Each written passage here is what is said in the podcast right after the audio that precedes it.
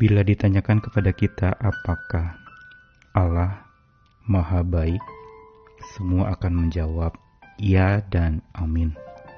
Dia Maha Baik. Namun sering kali ketika kita berpikir bahwa Allah Maha Baik, seolah Allah kita selalu akan berbuat baik kepada kita. Kita akan menjawab ya dan Amin. Namun pertanyaan yang lebih lanjut lagi adalah perbuatan baik Tuhan itu menurut siapa? Apakah perbuatan baiknya itu menurut pandangan dan standar pemikiran manusia terhadap sebuah perbuatan baik? Atau kita sering kali juga sering menyebut kabar baik dan kabar baik sering kali dimaknai secara sempit, kabar yang kedengarannya baik. Kabar yang enak di telinga, kabar yang menyenangkan, kabar yang membuat kita merasa baik. Tapi berbicara tentang kebaikan dan perbuatan baik Tuhan, sesungguhnya dan seharusnya mata iman melihat bukan dari kacamata kita. Sehingga kalau kita katakan Allah Maha Baik, belum tentu apa yang dia perbuat sebagai yang baik adanya, itu sesuai dengan maunya kita. Dan juga bukan berarti bahwa kalau Allah Maha Baik, maka dia tidak pernah berbuat buruk kepada kita. Atau memperlakukan buruk kepada umatnya. Toh kitab suci mencatat bahwa panjang lebar dari perjanjian lama bahkan sampai perjanjian baru ada tindakan-tindakan tegas dari Allah yang di mata manusia itu merupakan sebuah hal yang buruk atau setidaknya kedengarannya buruk.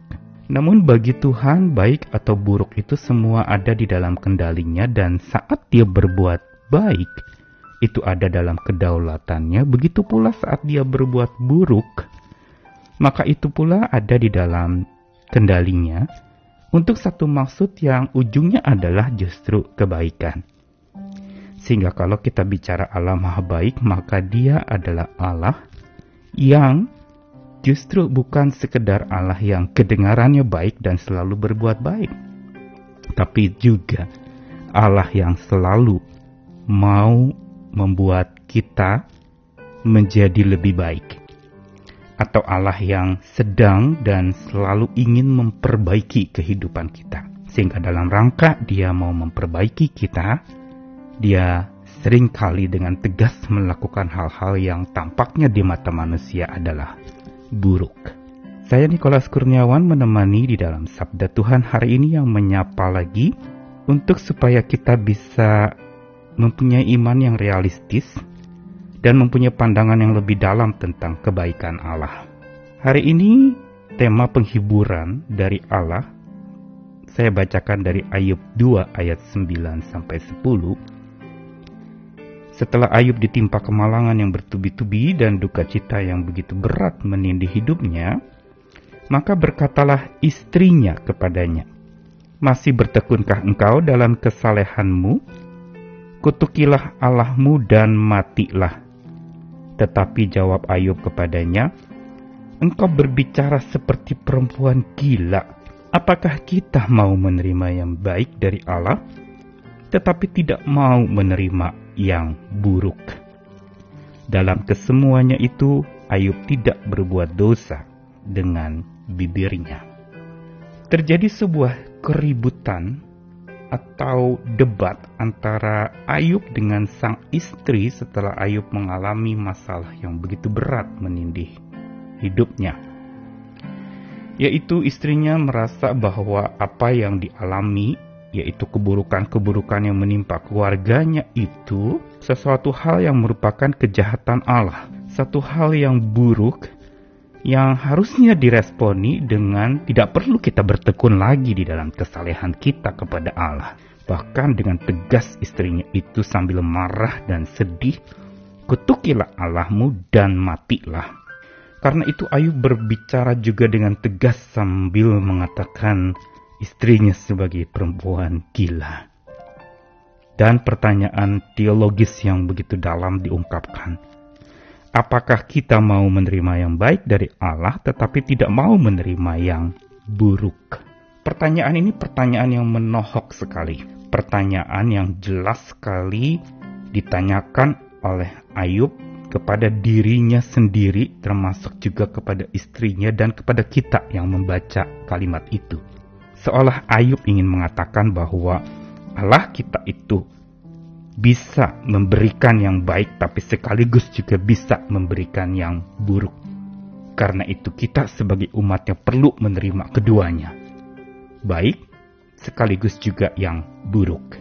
Ini tidak bertentangan dengan iman percaya kita yang mengatakan Allah Maha Baik, tetapi pandangan ini justru ingin menegaskan tentang iman yang realistis, yaitu iman yang bukan sekedar berharap yang terbaik, tetapi juga bersiap untuk yang terburuk.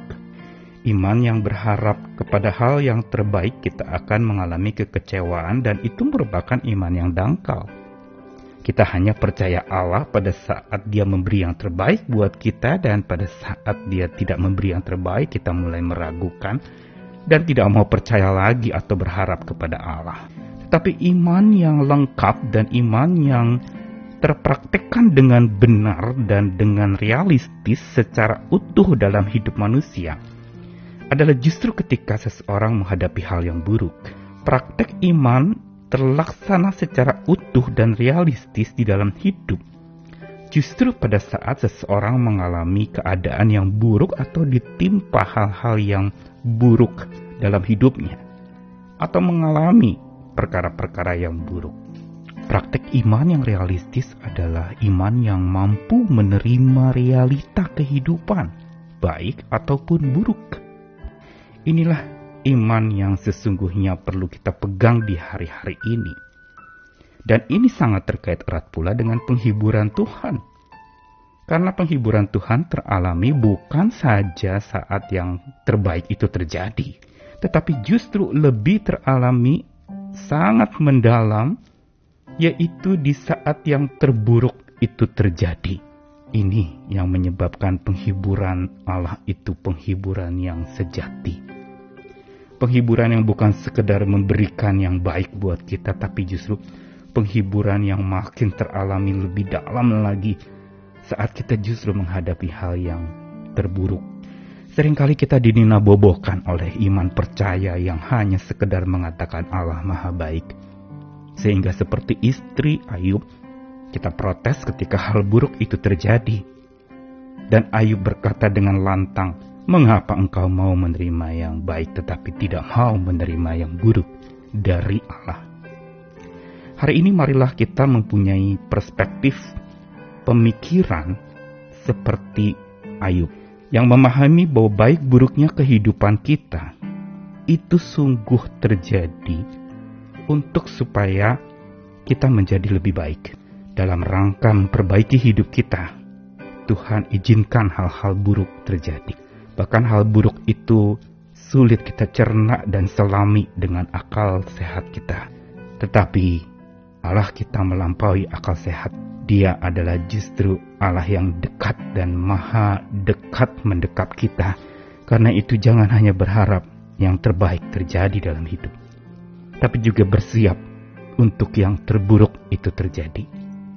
Karena lewat itu sesungguhnya Allah sedang bekerja untuk mendatangkan kebaikan bagi orang yang percaya kepada Tuhan. Selamat berharap sambil juga bersiap menghadapi apa pun juga di dalam kehidupan kita. Amin.